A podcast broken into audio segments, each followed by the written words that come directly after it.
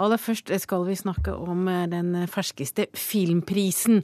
For Nordisk råds filmpris ble offentliggjort tidligere i dag. Og det er niende gang denne prisen blir delt ut, og i år som i fjor var det Sverige som stakk av med seieren.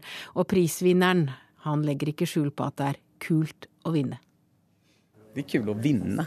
Det, man får ikke glemme bort det at, det, at det faktisk er rolig. Og man er glad for alles skull. Alle som har vært med. De som var med fra filmen fra begynnelsen.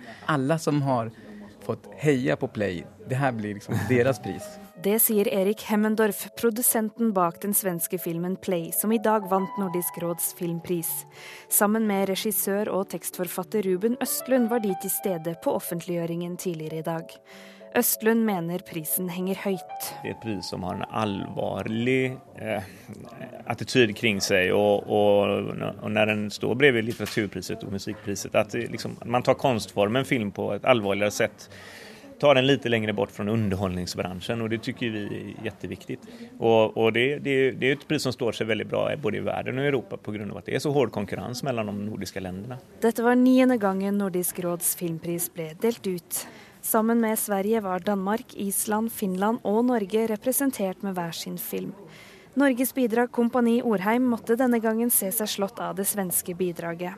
Sverige og Danmark har vunnet prisen fire ganger hver seg, mens Norge har aldri nådd helt opp til toppen. Det er et veldig høyt nivå på filmene i Norden, så man må jo bare fortsette å lage gode filmer.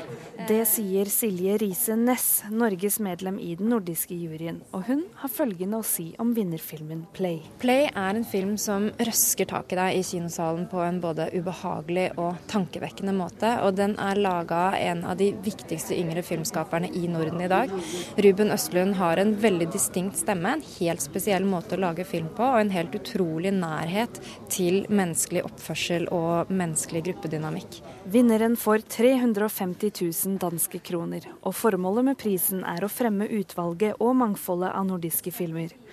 Stortingspolitiker og medlem av Nordisk råd Olemic Thommessen syns det er flott at vi har en nordisk pris som henger høyt. Men han etterspør bredere medieinteresse for filmprisen. Vi kunne kanskje ønsket litt eh, større medieinteresse her. Jeg syns kanskje det er litt nærsynt når uh, mediene ikke stiller, uh, hvis man ikke på forhånd har fortalt dem at det er en norsk vinner i Norge. Jeg tror kanskje det har litt med det å gjøre.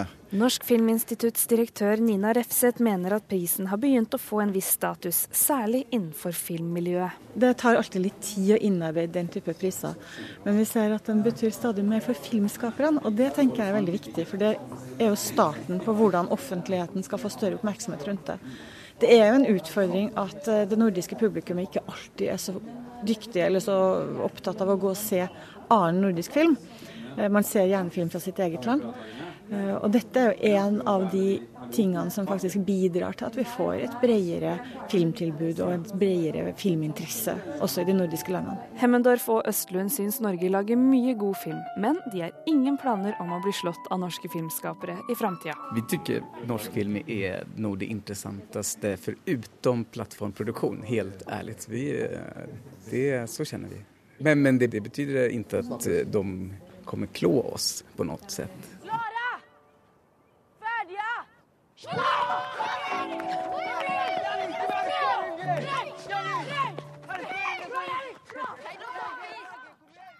Reporter her var Karen Sylte Hammeren, og vi har med oss Kjetil Lismoen, filmkritiker i Aftenposten.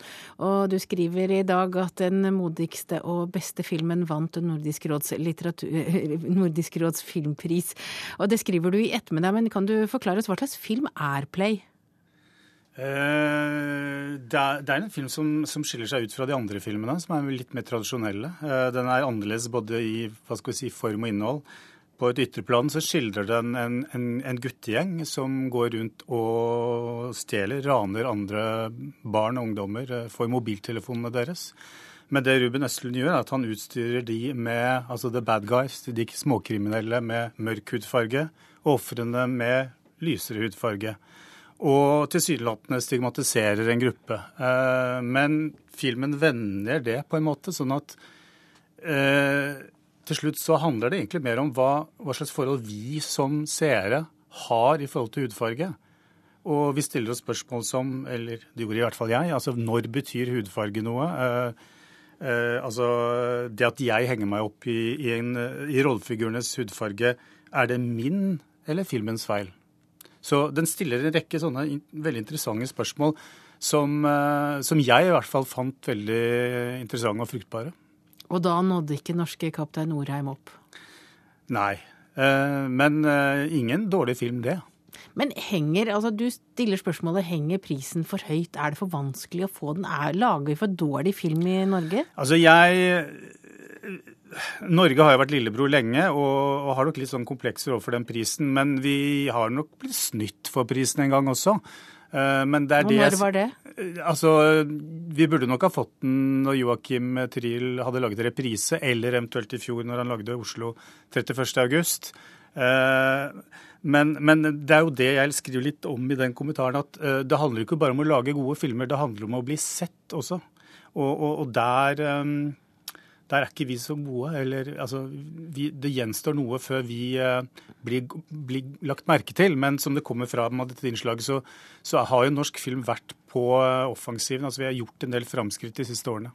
Men, men, dette er jo en film som er delt ut ni ganger, og første gangen var det en finne Kaurismäki som fikk mm. prisen. Senere har det vært eh, svensker og dansker om hverandre. Hvor viktig er eh, Nordisk råds filmpris? Den har ikke samme standing som litteraturprisen, eh, men den er jo delt ut siden 1962. Eh, men, den, men den har Den, den er jo da bare delt ut siden 2002? Ja, ikke sant. Men den har fått eh, en betydning.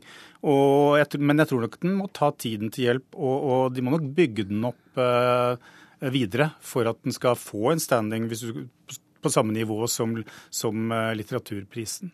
Ja, Vi hørte jo Ole Mikke Thommessen etterlyste mer oppmerksomhet rundt utdelingen mm. som da var her i Oslo i dag. Ja, var du, det lite folk der? Nei, altså jeg må jo innrømme at jeg var ikke der. Du var ikke der nei. Men ærlig talt, eh, man kan ikke klage over sånt. Altså, eh, det er ikke annerledes i kulturlivet enn det er i idrettsverdenen. Altså, sånn som i skøytesporten. Hvis Norge ikke vinner eh, gjeve medaljer lenger, så daler interessen for skøyter. Sånn er det innen kulturlivet òg. Sånn er det innen filmen. Altså det er klart at Hvis vi først vinner en pris, vinner denne prisen, så vil jo interessen eh, øke. Det er jo helt naturlig. Men du sier vi må bli sett. Hvordan skal vi bli sett? Må eh, Trier lage en ny film? Den tredje ja, nei, filmen? Det har noe med at uh, danskene og svenskene har, har, ikke blikket rettet mot norsk film. Ikke i det hele tatt. Eh, de skryter av oss, eh, filmskaperne, når de har anledning. Eh, altså skryter av norske filmer, men, men det svenske og danske kinopublikummet ignorerer våre filmer. Og, og, den svenske kulturoffentligheten er heller ikke opptatt av norsk film. Det har endret seg litt, men det er fortsatt en, en, en hva skal vi si, de er fortsatt blinde for, for norsk film. Og, og, det tror jeg kanskje også preger, uten at jeg skal liksom har, har no, jeg har ikke noe bevis for det, men jeg tror det preger, preger generelle synet på norsk film også blant eventuelle jurymedlemmer. Takk til deg, Kjetil Lismoen, filmkritiker i Aftenposten. Så får vi håpe du kan komme igjen og fortelle en dag om eh, den norske vinneren av Nordisk råds filmpris.